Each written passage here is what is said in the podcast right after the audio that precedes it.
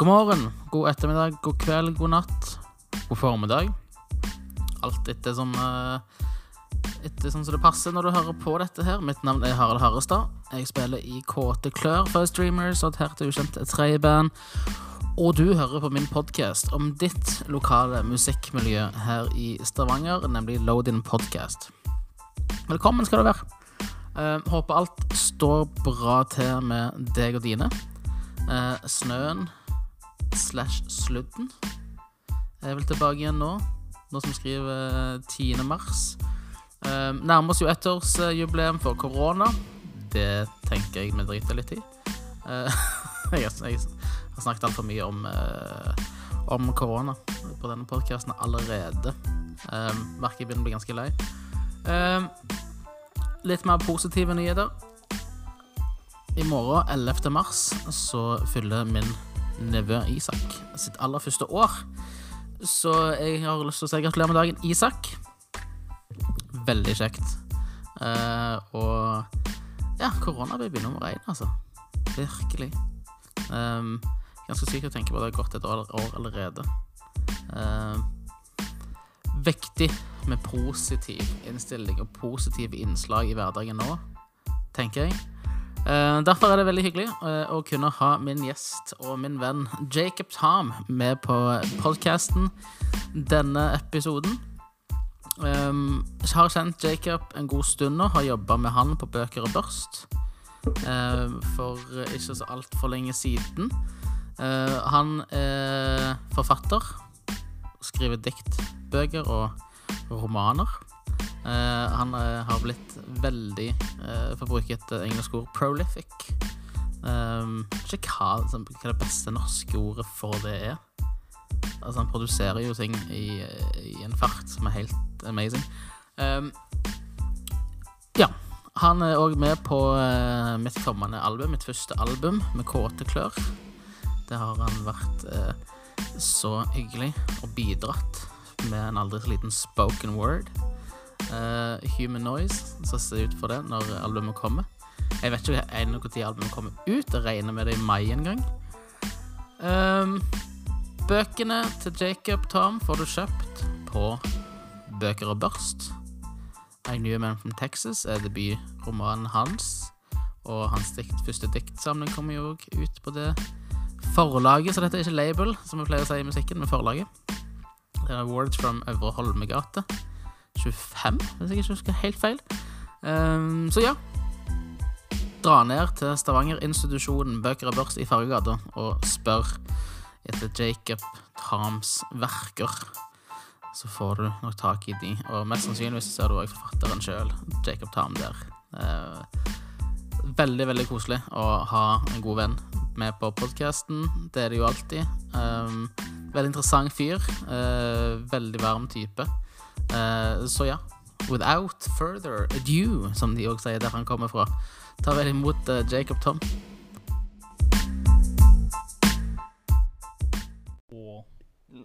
eating a banana. No, never. And No. you're you- you're munching on it, and you're holding the rest of it in your hand like a monkey. And then the rain also is kind of like adding to the whole effect. Look at this guy eating a banana in the rain.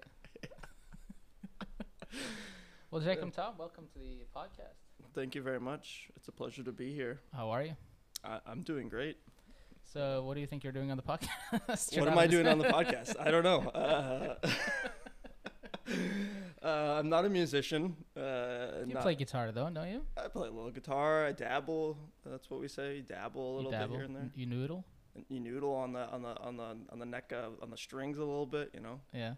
But uh, no, but I think uh, it, you know we're, we're we're gonna eventually talk about being on the album, your album that's coming out, right? Yeah, yeah, yeah. You're on the album. You're track number five. Um, I don't know if you knew that. Track number five. You're track number five, Human Noise. That's a good track to be on. I think. Isn't it like number three or four is usually the best track? And then I don't know. Like, I, I, I put on like I had to make decisions about like the singles and everything. Mm, So I, the first single is the first song on the album, which I feel like is like a classic, like trick they used to do. Sure.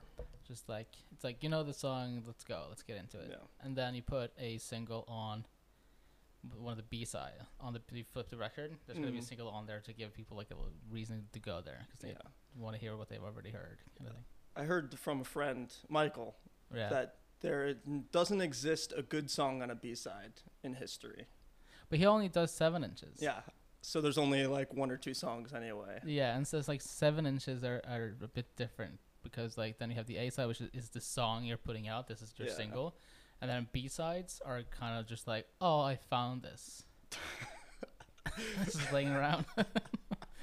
and then you put that on that you put that on the B side, and it's funny. It's like Yeah. it's an old cover or something like that. Okay. So yeah, you, you you know more about vinyl history than I do. So I guess you're doing. Well, I'm an album guy. Yeah, yeah. So then Well, it's like so you gotta you can't just like put like be what's that called like front heavy. Yeah, front heavy. You're gonna uh, tip album. over. Yeah, yeah. That's that's true. but yeah, track number five. Yeah. Do you wanna? It's like obviously, it's like I'm gonna ask you questions that I already know the answer to Yeah, sure. because it's like they're. I think most people that listen to this podcast know who you are. Maybe.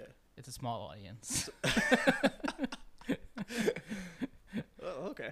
yeah, but you are Jacob Tom hmm uh, from. I'm from originally from Milwaukee, Wisconsin. Yeah, you've been here for a while now. Going on four years. Only four? there. Four, yeah. I don't know. It's like it's like you look like it's like a seventy year. I got the seven year vibe. Yeah, they're, they're going quick. so like, cause the, but you've only only lived in Stavanger, correct? yes, Yeah. Do you like it? I, I like it a lot. I was just thinking on the way here, it's finally raining again. Yeah. I love I love the rain.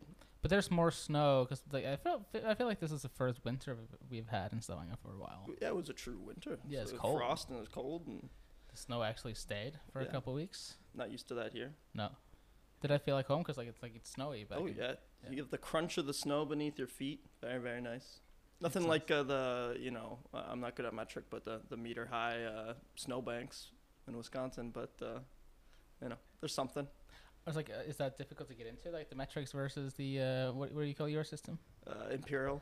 Oh, I was gonna say I was gonna say outdated. no I- I- Imperial. I, think I have this conversation all the time with people in Europe. Is the I, I'm still an ardent Imperial boy. yeah, so yeah, yeah. um, I mean, it's nice. Like I got um, the, I was doing a bunch of cooking in, in, in the first lockdown, and I had to get uh, measuring cups that had both. yeah, I was ti- yeah, I was tired of converting. yeah. So like it's, it's like if you need, well, you never really need a gallon of something, No, but you need ounces. yeah. Ounces, cups. Cups. Cups is pretty easy though. Cup, you can eyeball a cup. So two cups is one deciliter. Sure. A DL. I just go like kind of a cup is what I could fit in my hand. That's what I like about the Imperial. Or is it the other way? No, like one cup is two deciliters. So one liter is ten DL, Yeah, and then one liter is also five cups. So just cut everything in half. great. So it says you need ten of something, and it's Hmm. not in cups, then you just cut the number in half. This is top quality podcast. There we go. material. Five minutes in. I tell you, I never gave you Metric anything. conversions. great. So how have you been doing? Uh, how's uh, the pandemic been for you? The pandemic has been rough uh, if, if I look at it very objectively, Yeah. but uh, I can't say that my mood has been really bad. I think I've been very productive uh, from a, a writing and creative standpoint, but uh, from an interpersonal standpoint, uh, as you are probably already know, isn't- hasn't been too great. No, no, no. I mean, 'cause it's like, yeah, we're, we're gonna get into because you're also an author, like a Mhm. real, real author. You have two books. Mhm. The first is Collected Words from Eva Holmgata 32. 32. I, I, Mhm. could, I, I could never I could never remember the address of it. I- I'll always remember the address now. It's your address. ingrained. Yeah. Or can you say that on the podcast? I don't know. Or sure, you'd say I live there. Yeah. I live at a bar. That sounds great though. if the government's looking for, for where I'm at because uh, of certain legal obligations, that's where I am. But there's also uh, you should know there's a max capacity now, and you close at 10, Yeah. So you can't come. It's like yeah, I, it's can't like, go home. If it's full, it's full. Yeah. If you gotta, go- it's like if you want to come in, you gotta sit down. Yeah. If you gotta, it's like if you're first gonna, it's like yeah. Lots I of feel that pandemic joke. rules. Yeah. That's as far as that joke yeah went. Yeah, that was my first book. It was uh, Collected Words, I just call it. And it's a small poetry book about working at a bar in Stavanger. It's Mhm. about all the different people there and all the different characters and different stories I heard.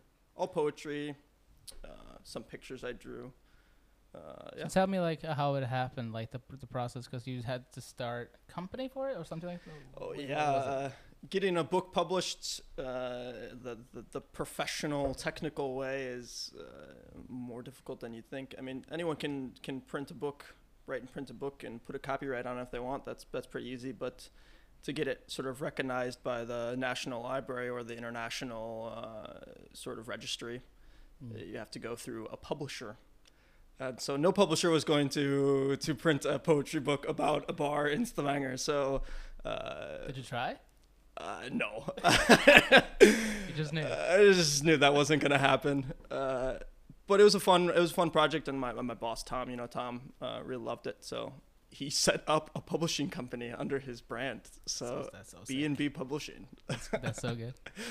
And uh, theoretically and technically, I'm I- I'm the, the editor in chief of B and B Publishing. You must be the worst paid editor in chief. Yeah, I, I'm paid in room and board. Take that, Vogue. I get free coffee. You get free coffee. Yeah. That's good. That's good. That's good. So how quickly? Because it's like you're you're a very very prolific writer. It would seem, or is it like has it always been that way for you, or uh, the pandemic has sort of jump started that. So Yeah. much time on my hands and, and not enough to do. But yes, uh, I'm, I'm pumping out poems and books like it's uh, like it's out of style these like days. it's so, nothing? yeah, I got another poetry book coming out hopefully by summer, and I'm knee deep. I'm more than halfway through with another novel. Yeah. Uh, hopefully out by autumn.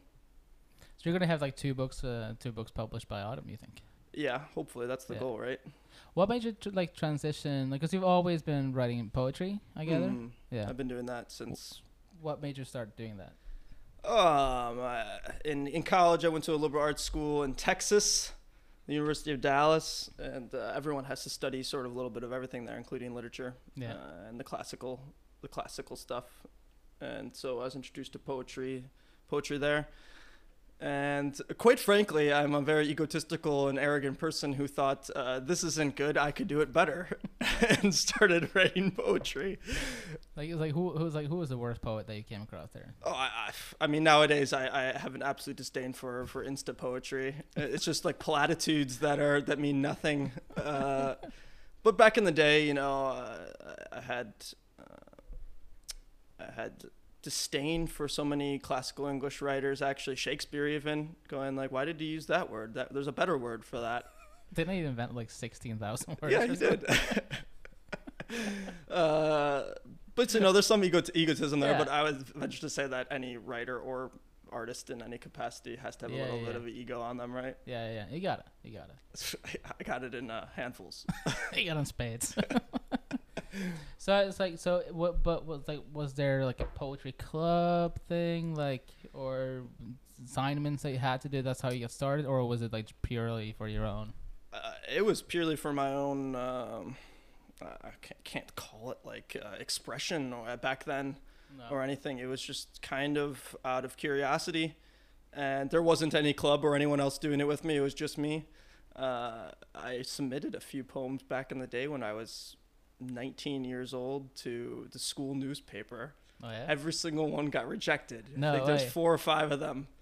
And every But weren't single one you, like, rejected. Weren't you like into into sports as well Yeah, I did uh, lacrosse. I was the captain of a NCAA lacrosse team. and you did track and field I did track and field in high school, okay American football in high school, that's not kind of clash with the like american jock ideal Oh yeah, hundred percent. I was the lacrosse captain running around the fields in a liberal arts te- Texas school uh, writing poetry. breaking grounds Yeah, but you know, yeah it's all good. so how was uh dealing with that kind of like did you did, did they give you any like reasons for not accepting it or No, I, they just you know you send an email with your attachment on it, and they go, "Well, sorry, we, you, you're thanks but no thanks. no thanks, but no thanks." Yeah, Yeah. kind of thing. Try again next time, try again next time and you went okay and I did, and I kept getting rejected. But uh, jokes on them. A couple of those poems are uh, published now. So published have you uh, sent the book I'm, I'm assuming you've sent the first book the poetry book back home Yeah, some people back home have Yeah. that book. have you gotten any like uh reviews or No, uh, most of the copies that went back went back to my family, and they're obviously going to be supportive about it, Yeah. regardless of it, uh, of the quality of that book. Because you only sell out Becca, or do you sell it at like Amazon or something? No, like we sell only at the bar. only at the bar. Yeah, That's kind of cool. yeah, that's very like kind of local idea there, right? Yeah, yeah, yeah. It's it was never about money for that. No. I mean we're barely making a, a kroner off of off of every book, but uh, So how, do, how does one make a like from the, what's the process like after you're finished writing? I'm talking about like the specifically the poetry book because this is your first. yeah, um, the first poetry book I, I wrote those as sort of a collective hobby of me drinking after work Yeah. and and writing poems about people that I'm literally sitting next to and that sort of thing. Uh, and after that, I sort of showed it to my boss and some other people working. They loved it and said, "You should get it published, get it printed." And then it's you know half a year of uh, picking the right fonts and the right color for the cover, and talking to the printer about paper quality, which uh, I think in my in my first novel I talked about that uh, my disdain for the editing process Oh, and the printing process. You So, don't love talking about fonts and paper quality? uh, at, at this point I enjoy it enough. Uh, but I shouldn't know this much about fonts and paper quality. That's for sure. Well, you showed me one really good website, defonts.com. yeah, yeah. I've been kind of hooked on it now. just scrolled through fonts. That's and what you do in I, your I, pastime. li- I like when you like I scroll down and then I download. Yeah. It's sort of, sort of like catching a Pokemon. I was like, I Mhm. was like I got you. yeah, And then I gotta go straight into like I get get a couple, and then I go gotta go into Photoshop and kind of play around. with Yeah. It's yeah. nice, nice. I definitely save fonts on my computer, and then Yeah. like, oh, I'll use that if I ever have something to do with uh, whatever. Yeah, like yeah, if I ever have to write a, a crime thriller, I'll use that font. So like, so did you edit it yourself, or what was that? I don't know nothing about it. okay, yeah. So the editing process, uh, you know, try, try to keep it as uh, uh, financially reasonable as possible, right? Yeah. Uh, it's it's a local home brew, brew underground kind of thing. But uh, the poetry book uh, was edited by a friend, um, uh, and poetry is just so up in the air, right? Uh, Yeah, yeah. The grammar's kind of out the window in a lot of ways, but you know, just random uh, mistakes in spacing and that sort of thing Yeah. were corrected. Uh, and that process was minimally costs and uh, and that sort of thing. Having a friend do it, Yeah. I think if you get a professional to edit anything, it's it's somewhere around a thousand U.S. dollars to get anything uh, edited properly by a professional From start to finish. from start to finish. Damn. Yeah. Uh. There's no way I'm forking that up for for a, a, a hobby poetry book, right?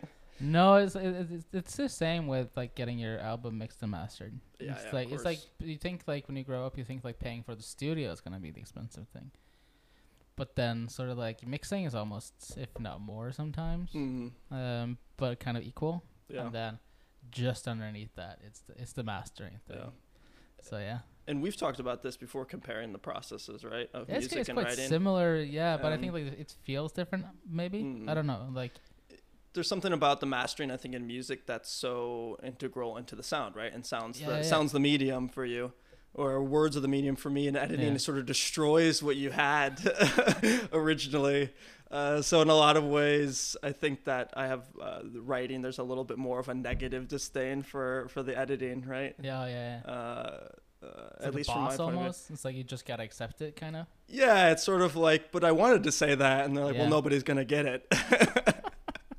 Did you get away with? It's like, it's like, did you win any of those fights, or Yeah, I mean, at the end of the day, I'm the right. I'm the one who's pressing Yeah. print. There wasn't. A, there's no paying for publisher telling me that's like, hey, we're paying for it. We're gonna. Yeah, we're, yeah. we're gonna, gotta change it, right? So at the end of the day, I, I take the suggestions with a grain of salt and uh, make the decision for myself.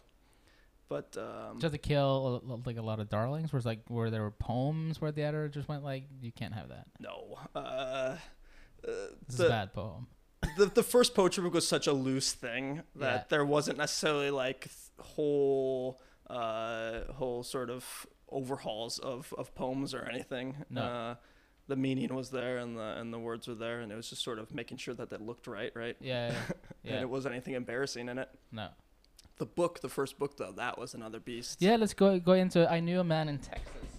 Yeah. Uh, my first novel. Um, First, I was like, did you know?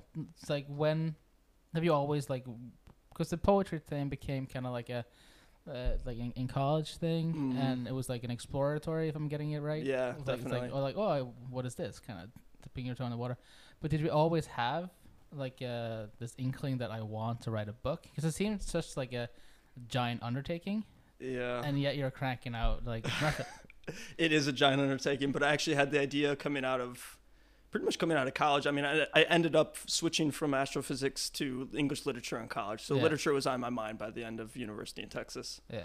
Um, I had maybe the, the rough concepts for about 12 different novels by the time I was moving to Norway. Yeah. Uh, never really got around the time to start any of them. uh, I maybe had a couple pages here and there of things that I just write wrote randomly some days. But then Corona came around, and I sort of had the opportunity just a month straight of lockdown, and uh, I had twelve different blueprints in front of me. You know, ru- Of the entire finished book.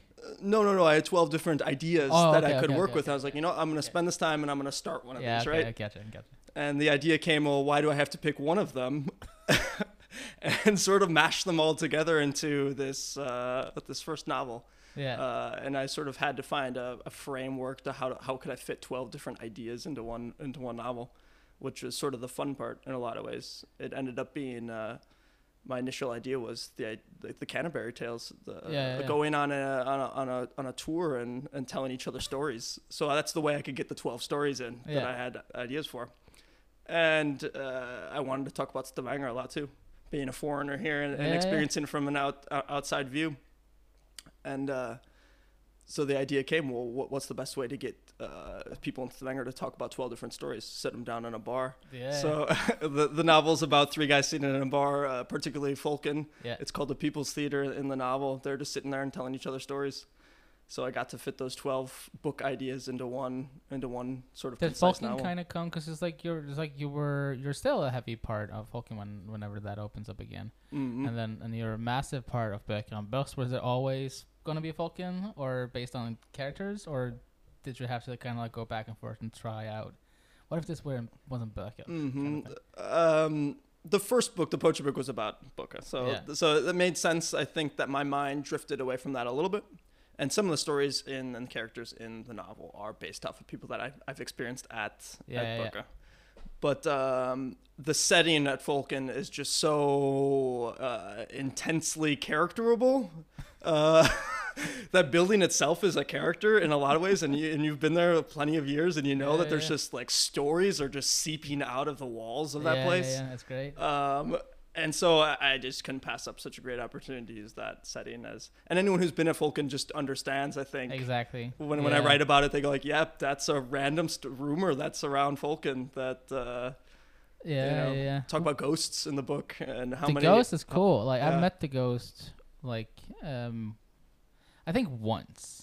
I think Mhm. like some other times where I've thought I felt something, it's kind of I think it was like maybe wishful thinking. Mm, But I've had one like encounter with the projectionist as they call it. yeah, You have also had one. yeah. The projectionist froze me in the middle of Stusalen one one night. That was scary. It's very real. Like I know people might think we're kidding around, but it, no, it's not. I- I'm a God fearing man, and now I believe in ghosts after working at Folken for a few years. Because that it's uh, it's like you told me this like it's a perfectly good excuse when locking up for the night when when you work in the bar hmm to be like, "There's a ghost here. I'm going home." yeah. Uh, One time I called uh, my boss and I was like, I started locking, uh, but I heard something. I'm going home, and he he messaged me back. Yep, just just go home. Get out of there. it's so nice. Yeah. uh, So how is it kind of like ghost aside? Like it's like how is it like writing? Because you're Ole Gunnar, mm, the now bar manager at Folken, uh, OG as is known in the book Mhm. and in real life. Like how is it to kind of write such vivid stories about, or like using people that you know mm. very well? Like like how how do you do that? uh, I'll, I'll just you know have a preface to this whole thing of being uh, the book is not real. Uh, a lot of it is, is made up, but there I use the names of real people, which I think in a sense plays into a lot of ideas in the Yeah. book about what is real, what isn't. Um, but yes, I use OG's name. I use a, my own name. I'm in the book. Uh, Harald, you're in the book as, Yeah. a, as a weird uh, fictional past Sex character. crazed uh, Viking uh, chief or something. from, like the 1300s. Uh, but I think that there's there's uh, other people. I mean, uh, there's uh, we've talked about this. The infamous uh, actor in Yeah. uh, in the book that I I think we can say his name on the yeah. podcast. You want to say his yeah sure Kristoffer Joner. I, I write in it, the book. it- which is the weirdest chapter I think in the entire novel for me uh, because out of any of the stories in that book, Yeah.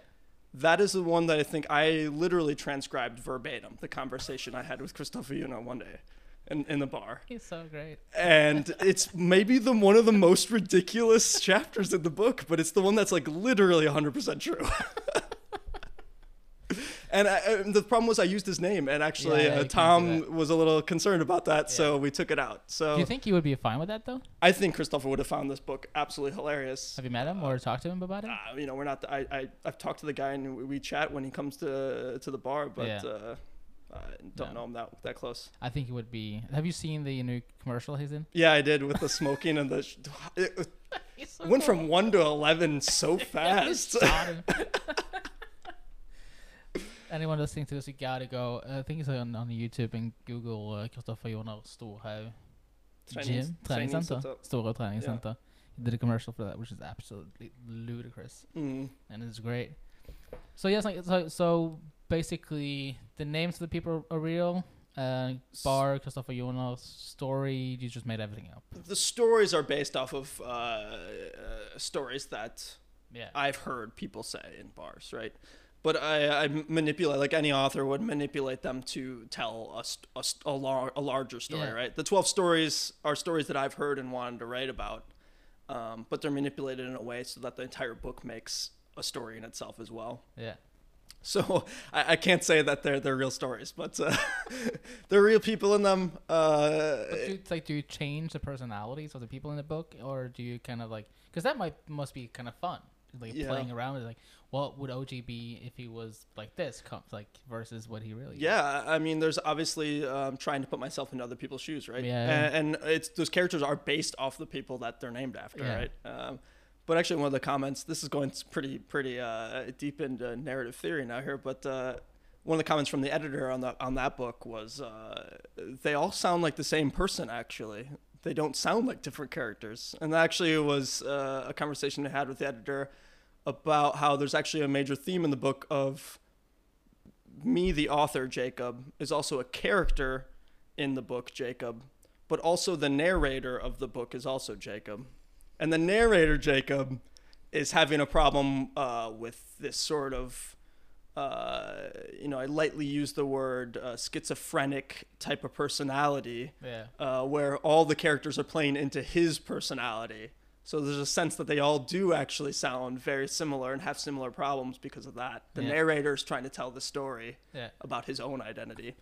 so uh, there's this there's this mix between there of, of being, let's say, OG for an example, who's one of the Yeah. main characters, trying to get OG into the character and trying to get what would OG do, Yeah. but also what would Jacob the narrator want to get out of OG.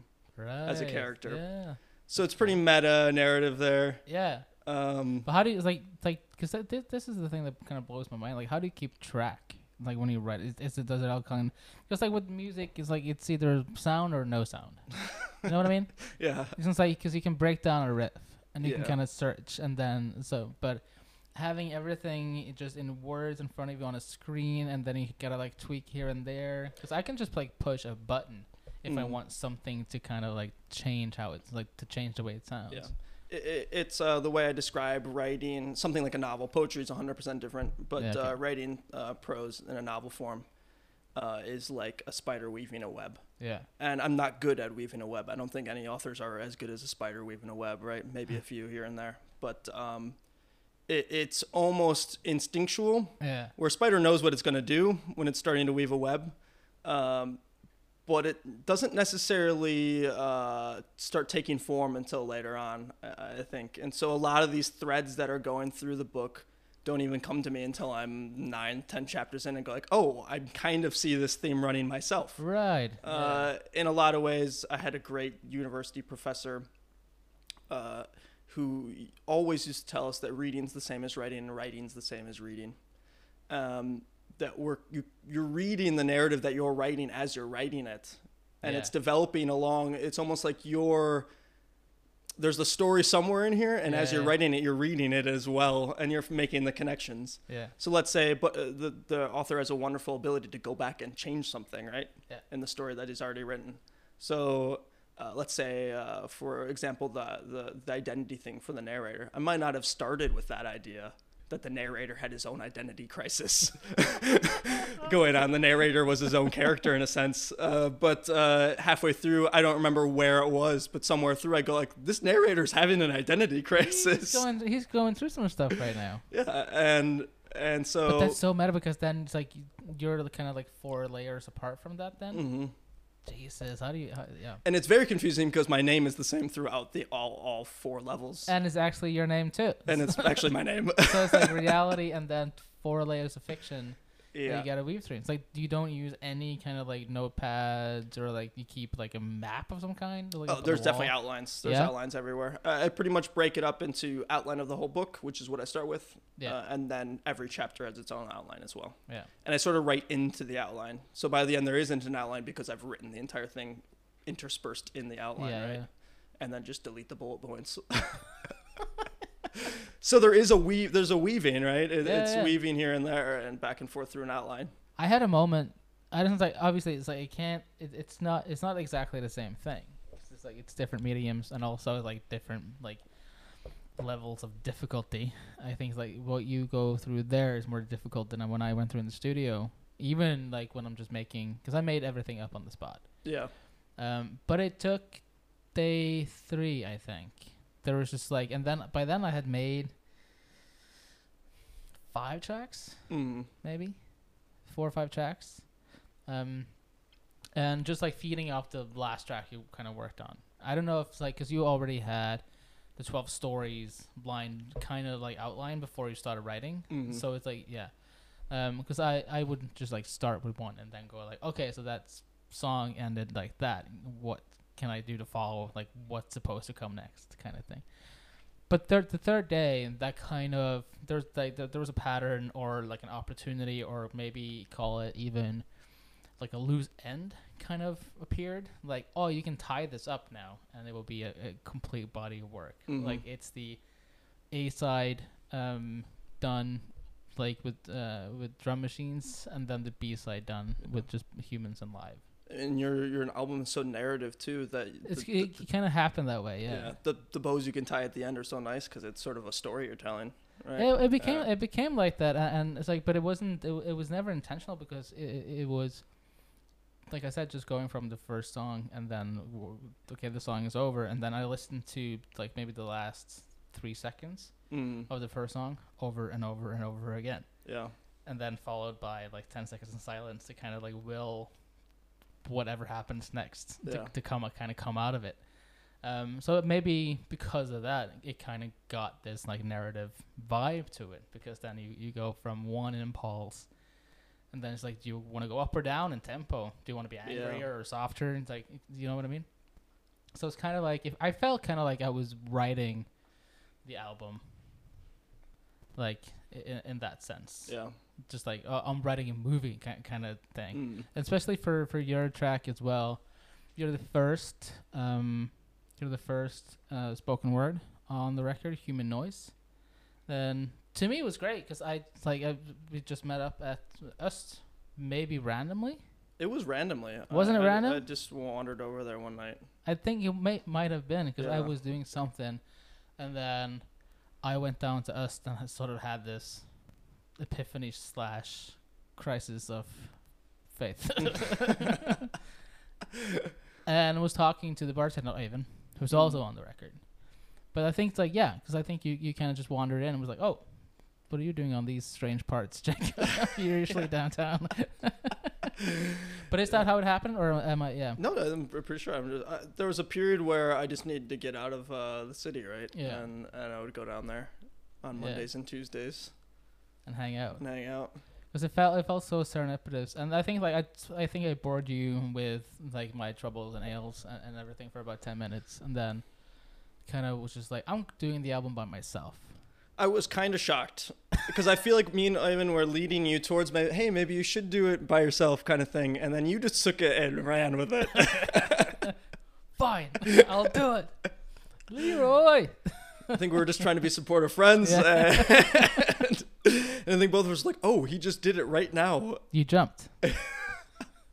because I yeah, and I had because I had this idea of the spoken word for a while. Mm. We Uh, talked about that before, I think. I think so briefly, too. I had to go before this episode. I had to go over some notes from like like just yeah random scribbles um to to see if I if I missed anything or because like sometimes when it's like when you work on something for so long. Every all the memories kind of bl- blur together and Yeah. days are switched and pe- sometimes even people are switched. Uh, so yeah, I think I had I had the idea of one or maybe two spoken words. I don't know, and it helps because then you know you know two tracks off the list. Yeah, right. like two less songs you gotta make. There's, there's something wonderful about making it simple, right? Yeah, yeah, yeah. I mean, like, that's simple. That's great. and it was just was like it was done, and then I think that was a great motivator for me. And I think how was it for for you to sort of just like get a drunken request Uh, like that? I thought the the process of doing that spoken word track was wonderful. Yeah. Actually, um, you gave me a very loose guideline of what you wanted that spoken word to be, uh, and you know, as we were drinking, you gave me a very loose. This is what I kind of want it to be as we're getting drunk, and I'm like, great, I'll do it.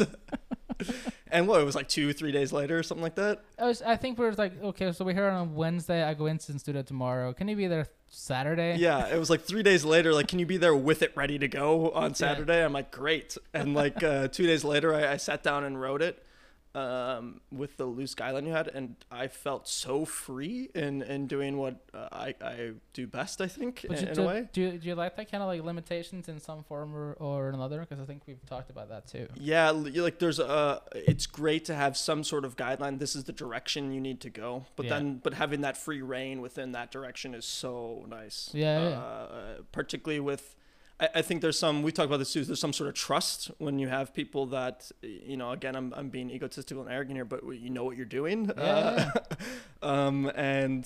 uh, Giving them a direction that you want them to be in, Yeah. but then giving them the free reign to do what they do well uh, is so so great. And it That was nice, and- and it was it was so exhilarating for me too, because then I could just like kind of, it became, you coined the term like a community record thing, Yeah. and it became not just about.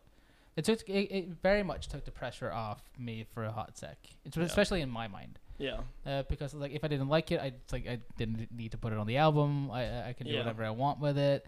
And so it's like to me, it was kind of just like let's see what he comes up with, and then put it to music. Or, Mhm. and and that's what we did. I think you came in not even two hours, just like very quick, right Yep. before you got to go to work. Uh, Yeah. and had it ready to go, and it's great. It's I've been getting comments from from the American people that I've shown it to. I, they I understand what it. you're saying. Yeah. And I showed it to some Norwegian people who don't understand what you're saying. He's talking about a wooden door or something. Yeah.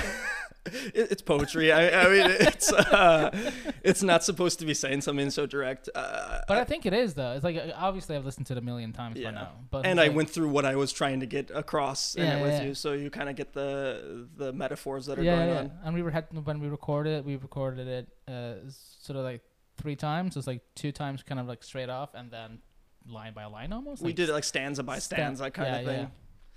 Uh, yeah, the recording was awesome. Espen was so patient Cool, and so great at uh, in the studio. Uh, he's a natural, I think, at that sort of thing. He's just made And- for that life. I think. yeah. He's gonna be like not possibly in that same space, Yeah, but he's gonna be in that kind of quote unquote space yeah. till he's you know older than we are. uh, that you made it wonderfully easy. Um, and uh, what can I say about that? Uh, I felt so much. Um, Were you nervous though at all? No, I was not at all because because uh, there's some confidence that comes with the egotism, Yeah, right? And yeah, you're like, this is a good this is a good spoken word track. I can Yeah. do this, right? I don't like my voice, and I don't ever want to hear my voice, so it's kind of rough hearing my voice. Did you had uh, it? It's like because I, I remember, I don't remember if you had a headset on I didn't. because you didn't want it. I didn't want to hear it. no, no, no. No. Uh, no. It's, it's kind of rough when you're not used to it. It's and not used to it at all and don't like my voice I, I whenever i hear it i go like god with midwestern wisconsin it's so bad But it's like you're you're living in a place where people go like that's just an American accent. Like people don't know that it's like Yeah. what's like that. That's like a funny thing. Like what's a thing you say that you know is a Midwestern thing, but we wouldn't. Mom. Mom, I say mom. Hey, mom. Mom instead of mom. Mom. You say mom. Mom. I say Okay. mom. So someone from the U.S. would be like, "Oh, Oh, he's from Midwestern." Wisconsin. Also, that Uh, someone someone sent me uh, an Instagram yesterday, just like someone doing a, it's like a comedian doing like a joke about accents, right? yeah. And he's joking around about Midwestern Wisconsin accents, and he's he's saying all these funny things. And they sent me like, aha, it's it's from Wisconsin. He's making fun of Wisconsin. I'm like, I went to high school with that guy. I went to high school. That's so great. uh, and he's a comedian and makes money off of his terrible Wisconsin accent. Do you want more coffee, by the way? uh, that'd be great. Yeah, Yeah. Top off. yeah, just like half a cup is great. This is the moment in the podcast where we take a moment to just add some more coffee to our cups. Do you think like how many people listening to this just get a pee right now? Uh, probably, yeah. Because Probably, you you hearing the the dribbling of coffee? I pour coffee into a cup right next to the mic. Yeah. I kind of I kind of got to go now. Just hearing that, it's like it's like so instinctual. It's so weird. Yeah. Speaking of like, I just want to. Um, uh, yeah, it's like it's like with with uh, with the, with the spoken word. I had David Pickett on, and he's from California, but he lived in Madison for a long, Yeah. long time. And he um, not only was on the other podcast, but he's also on the album, sort of like a hidden hidden track. And he came in, and I played him. I played him yours, your spoken word Mhm. for obvious reasons, so that he could understand it and he kind of came in like with you know with an attitude of like like a, more like a performer because he's you know uh, uh, like he used to do stand up quite a bit and he's in a band and like it's like you're in a studio environment you kind of feel like at home.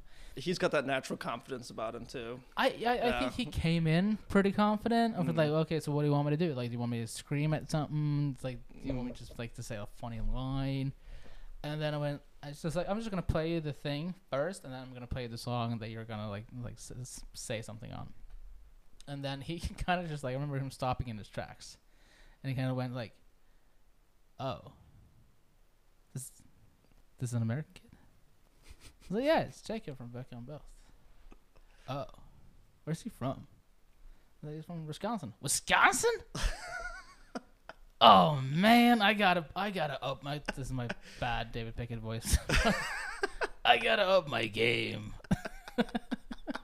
that was pretty good actually. I don't know, But uh, yeah, that's but he that's was a, very, he was very, very impressed. And it's like we, instead of it taking like 20 minutes to get it Mhm. on tape, what he had to do, we spent like, I think we spent like almost half, like an hour and a half, yeah. because now we had to talk about it and go through like, what am I saying?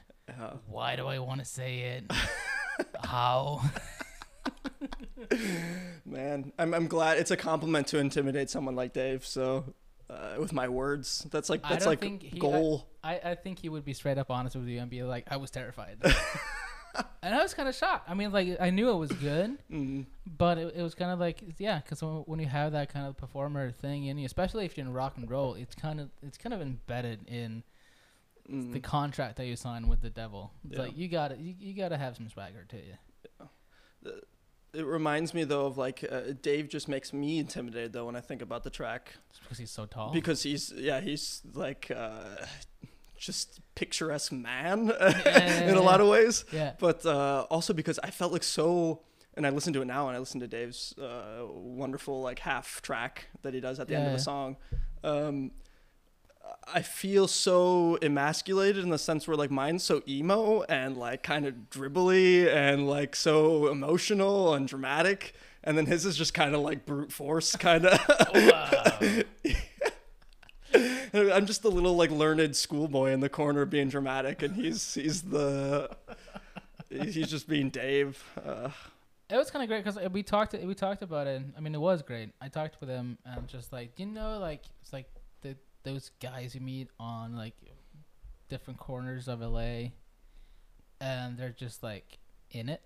mm, It's like in a bad place, but they're like 100 percent committed. yeah, And it's like they dress a certain way, and they just have that whole kind of like untouchable, like it's like eh, I don't even know what to say, like aura yeah, around them. Mm-hmm. And so they're like, and, and I go like, you know what I mean? And we're like, dude, I was that guy for 27 years. and like, yeah. okay. And then we found, I asked him like, if there any like kind of like like LA slang or like California slang that you would say back then, because I'm obsessed with like kind of like Californian culture and Sure. uh, and all that um, music stuff. Um, and he yeah, and he's like, he, and he thought about it, and he yeah, and he said, uh, "Mash the gas," Mash the gas. and I'm like, that sounds cool. yeah. Put it on, and then I'm watching like six months later, I'm watching a podcast from LA, and there's one guy who's like, he, he's like born and raised there. Mm. He said. We're just gonna mash the gas and can fucking go. And like, it's there. Like he wasn't joking. Yeah. yeah. That's great. Uh, So what's next for uh, like the author Jacob Tom? what's next for the author Jacob Tom? Um, actually, uh, this is a good transition. What's next for me out of talking about the album? Um, the last couple months, which I need to get better at. I, I was not expecting this to be a part of my life in a lot of ways, but uh, in the past months, basically since summer started ish, you know, last summer, end of last summer, um, local musicians uh, and musicians back home in America have been asking me, "Hey, we see your writing, we see that some of your stuff on on Instagram, and and uh, you want to like take a stab at writing us some lyrics." Yeah. And it's been multiple people uh, uh, coming up and doing that out of out of the blue, and I'm not back pre- home in Wisconsin. yeah, or- and, and a couple here in town, and and I'm just so not prepared for it. I don't have ex- that much experience writing lyrics. wait, but, local bands here in Stavanger. uh, yeah, musicians Oh, okay, mostly. okay, I don't I don't even know if they have bands or not, but people that I know through other people. Yeah, and, yeah. Uh, That's cool though. Do you yeah. Do you want to do it? I've I've taken a stab at it, uh, and it's mostly like um, they come with we don't we have the song that we're playing and jamming with. We don't have any lyrics for it. Maybe you can write something and we can just throw it on top. We'll figure it out. Are you Uh, gonna perform it too? No, no, no, no, no. It's Just just, for, writing? it's just for them. It, it's just a fun little exercise for me, right? Yeah, And yeah, yeah. it's the same thing. They give me a little loose idea, like uh, something about a relationship, uh, something about being angry, and I go, great, all right, some Broad strokes. some broad strokes, yeah, yeah. but it's great, right? yeah, And, yeah, yeah. And uh, I think a lot of people, especially musicians now, just appreciate like the natural English, right? yeah, yeah. Uh, and they want to play in English and, and and do that and reach out to other is people. easier, So I think, like as it's like where English is my second language. I think it's like it's very easy to kind of adapt, like a like a singing voice for it, mm, where you can fake kind of, sure, but the words kind of give you away all the time because Right. it's like you want to throw in a complicated word in there, but then you like your like Scandi uh, like accent can't really handle it, and Sure. then it's like, oh yeah, he's not. yeah. He's not what he says he is. there, there's obviously some intimidation in, in performing yeah. in your second language, right? And writing in it, and you want that confidence to come from the person it, yeah. But um, uh, I say this, I, I'm not prepared for it, and also like classically trained in, in writing, so it's not like I'm coming out with uh, edgy rock and roll lyrics. I'm coming out with like you know Shakespeare type of type poetry. So I- I roll. I don't think that people are coming. Uh, I'm not saying that I'm the wrong person to. I love doing it, and it's very cool exercise to, to take me out of my limits. No, no, no. It's just for fun. Oh. Uh, and uh, I think it's taking me out of my comfort zone, right? That's and I have cool, to yeah. start thinking about what would someone else want to say. But can you me. can you kind of like adapt the same kind of I don't know what the word word for is now.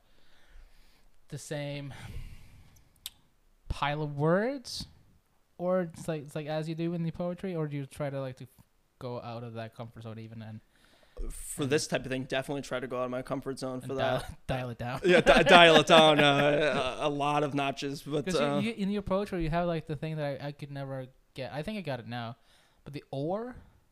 the or. It's sort of like when spelling over, but you drop the V. Oh, yeah, yeah. Is, that- is that Uh, it's yeah, like it's, it's- over, but it's just It's like a, eliminating syllables to fit uh, a certain uh, yeah. So you say so- over, or do you say or? or depending on the need Or. of the line, right? There's lots Yeah. of theories in that. Can but never get that right in English class. yeah, but um, You can't put that in rock song, can you? no, I mean you could. Uh, it'd be very interesting. But uh, no, I definitely dial it back into more. I take my my musical roots. Uh, So deep into of level. country now. Oh yeah, I'm into country, right? So Yeah. uh, a lot of a lot of it's influenced by that. When I think of what do other people want to hear, it's just uh, country stuff. But that's actually But, cool. uh, That's so cool. But it, it, it kind of like for me, that sounds really difficult to, to write lyrics. They send you the music. You said. Hmm? They send you the music. No, no, no. Oh, so you don't I don't even- even know what they're playing or anything. so it's hard, just they want poetry, and I and it's so loose. They, I just go, here's a poem that I wrote about that in this kind of style, Right. and they can do what they want with it. They can eliminate words, add words. It's so loose and free in that way. But you're like you know you're like five step away from just writing your own music now. I mean, you gotta feel. have, have I got you, the hardest part down? Is that, is You that the don't. hardest part? You don't feel that kind of like inkling because No, if you just I- like write like the lyrics and you're thinking, or like, do you do that? It's like when you like you you're writing the lyrics for this group or band or artist. Yeah. Thing, and and you're like you're having them in mind what they've said. Don't you kind of like get that? Oh, this is the way I would sing that word. No, the music doesn't come to me. I, I have a great anecdote about this in my in my novel though. Is the whole entire novel at Ed Folken, the first one I knew, man from Texas, is is musical. There's music in every single chapter, Yeah. Uh, but you're not. You obviously can't hear the music, and and it's just poems. Yeah. And I have this weird detachment where I cannot hear it.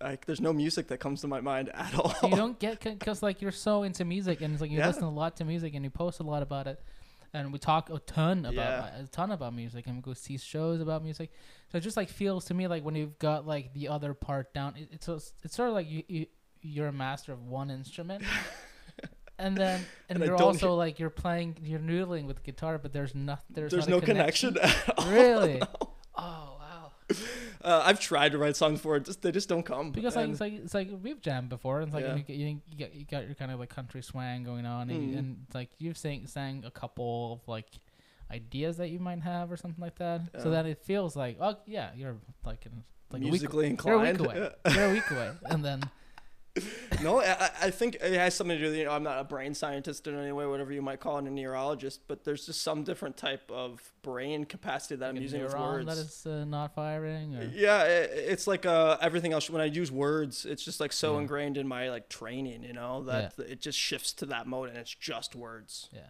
Um, So you're more likely to start rapping. it definitely, I would be way more likely to start rapping. Yeah. If someone just gave me a beat and then I'd be rapping. Shakespeare. This is where we cut, and then uh, there's you impo- impose uh, I me mean, rapping on it. yeah, let's just do Hamilton right away. in a terrible Midwestern accent. Oh man, Mom. mom No, but that's- spaghetti. That's, so cool though that you're um that that you're like like doing that. Yeah, and it's nothing I expected ever. I mean, a lot of things that this writing, my writing stuff, I'm I'm projecting it and I'm going for it and I'm uh, I'm reaching out for it. But this is just coming to me uh, randomly. Yeah. Uh, And you kind of know that like you know these people. yeah, I mean, it's like uh, friends of friends, Yeah. people I know from work. Uh, it's people that come to the bar. There's last week a guy came in who's a regular. I don't even know his name. So Uh, cool. he came down. He was he was writing in his book, and it was pretty slow. And, and I was talking to him, chatting with him uh, while he's drinking coffee. And he's like, "You write, don't you? You wrote that book over there." And I was like, "Yeah, yeah, I wrote the book." And he's like, "Oh, I'll take a copy." And he, got one. And and uh, he's like, "I'm trying to write this song. You know, I have like this band. We're not really like serious or anything, but we just jam and, and stuff. And I'm trying to write the song, and I just can't get this one like verse down." And I sat down with the guy while I was working and helped him write a verse uh, for a song. Uh, and he was like so happy but. He came back like two days later with his his buddies that he plays with, and he's like, "This is the guy that helped me with the song, guys."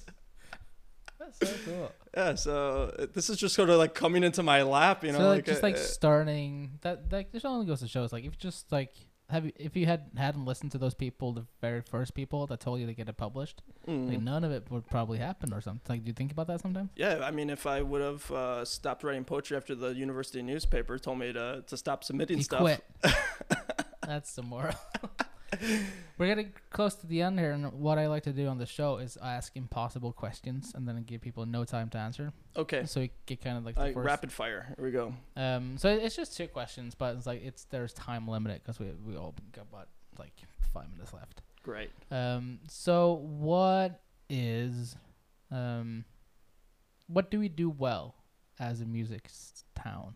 In Stavanger, Yeah, uh, you have people doing things. I mean, I, I, mean, that, and like actually getting things done, uh, Yeah. regardless of the the quality or the quantity or the uh, prestige of it. Uh, I mean, you doing this album is a perfect example of like I'm gonna get it done, and it happens. that's it. Yeah, uh, yeah, uh, it's it's just this willpower to to do it, yeah, regardless of circumstance or regardless of uh, its fate, uh, which is kind of weirdly uh, juxtaposed to like we're looking out now and the weather. It's just terrible and it's raining all the time, and people still just go like, "No, I'm I'm gonna do it." Yeah, I gotta go out there. I want to go out there. It's like, it's like, do you, uh, what do you think about like? Do you have any thoughts about like the local? Like, is there any like local bands besides mine that you like? Well, me and you, I think, are, are ardent fans of, of Mudslide. Yeah, I love I mentioned them Mudslide. a lot on the podcast. I love them. Th- They're just. It reminds me so much of like uh, when my brother used to play in Chicago with his punk band, Yeah? and being like just so much energy, and they like are sweating, and they're tired, and they're not playing well. it's so great to see someone do that. and it's loud. You can't really hear anything. It, it's awesome. I, Yeah. I, I, I will always love what Mudslide does, as long Yeah, as yeah. it's uh, along the same path. You know, like Did you get tickets for the show that got canceled? No, I don't think I, I don't think I did. Because I think they're doing it again in. They were supposed to do it. I think this past fall, Mm. and then obviously got canceled. Then it got pushed, and then it got pushed again. Yeah, But there's like if you bought the tickets for it, um, they're still good. yeah. And there was a bunch of us that bought tickets, but you didn't buy tickets. I don't think I bought a ticket. I think we talked about it too. Yeah, I think we did. To But- get yeah, Well, whenever they play again, I'm I'm gonna shove myself in. you're down. Yeah. Because I think it's like in April, and hopefully, like I know it's like I always say this about the podcast or like on the podcast. It's like oh, hopefully in a month Mm. it'll be better, but it never is. No, But it's like by April, come on, we got we we got to we got to move. something's got to happen. Well, I mean, think? speaking of local artists too, I mean, uh, we're going to see Deep Dog play at Mm, at, at Bøker on Friday. The A-lister. Uh, and that's something, right? That's a step closer to, yeah, to yeah. something. I mean, it's a show. it's a show. And Beck hasn't had a show in it's like damn near a year now. Oh, yeah. Did you have anything in summer? No, not No, show. nothing. Because it used to be sort of like a monthly thing. You Yeah. go to Bøker and you had the opera. Cafe. I love the opera pub. Oh, I don't like the opera pub. I've been I've been working on it. It's like I worked it and Yeah. and behind the bar and I've been to it a couple times. It's fucking cool. I, d- I love it. it's though. cool that it happens, Yeah, and it's yeah. cool that something like that is They're is funny and they is. drink and get, they is nice. get into it. I don't like opera people. Just say it straight like that. Don't like opera people. It's like strictly from a bartender perspective, or No, I think it's a cultural thing. Like Americans don't have operas, and it's like, what? What is this? What are these people? what's that? What's that yodeling you're yeah, doing? it's like European yodeling. So besides the opera scene, what Yeah. what can we work on as, as a musical cultural city town? Oh, so much. Uh, getting people to stay, which I mean we've talked about so talked much, about, right? Uh, Definitely. I don't know if there's a practical solution to that. But building a culture where people go like Stavanger, I can make myself known there, which I Mm. feel like you can. You can. Uh, uh, yeah. There's so much sure. opportunity. I mean, I write one poetry book, and now people are asking me to write uh, lyrics for yeah. their band. I- Exactly. uh, it- there's so much opportunity here, and then uh, so many people flee to Oslo and Bergen, and they just get drowned out by everyone else, right? I think like it it's the classic thing. I've I've talked to Slutface about this. Mm-hmm. Um, Torana. Um, and he said like so Stavanger's a small city. It's like it's always on the cards for young people to move and to study anyway. Yeah. So it's maybe it's not such a big big deal, but I really do feel and that's a good point. But I really do feel it's just a classic. You got to go to LA to make it. Oh, it's such a. You got to go to New York to make it, kind of thing. and Yeah, it's just like you're one a in a million. It's such a myth. Uh, how many people from Wisconsin moved to LA or New York? Uh, you know, my now two- they're fleeing like they they ran out of luck and, and they're fleeing to Texas, which Yeah, is right. a bad idea.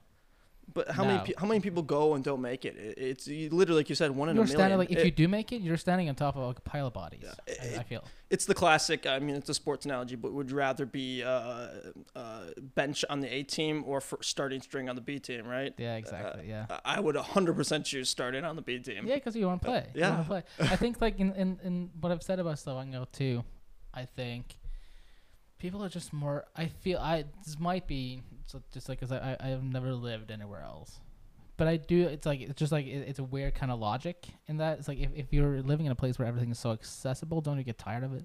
Yeah. So Stavanger kind of feels like people are actually like thankful for to you for writing a book. You did you wrote a book and it's not like anything that like it's accessible to me. hmm It's not like any book that my friends wrote Yeah. because I don't have any friends that wrote a book. Me neither. So it's like it's an it's an original thing, and Yeah. people kind of appreciate it. Like, do you agree? Yeah, uh, uh, we've talked about this before too. Is like people in Stavanger appreciate you doing something. yeah. Uh, like this goes back to the will, the will to do it thing. Yeah. It's like uh, you get it done and you, you stamp it. It's done, finished. People appreciate that so much here They do. uh, because uh, it, it's the opposite of what so many uh, young artists are doing is fleeing the city. And so I think that uh, people here just so much appreciate it, uh, it getting done. Yeah, Uh, it's it's such an understated thing. that's a takeaway from the show. Get it done. Get it done. Get it done. Thanks so much for stopping by, Jacob. Of course. Thanks for having me.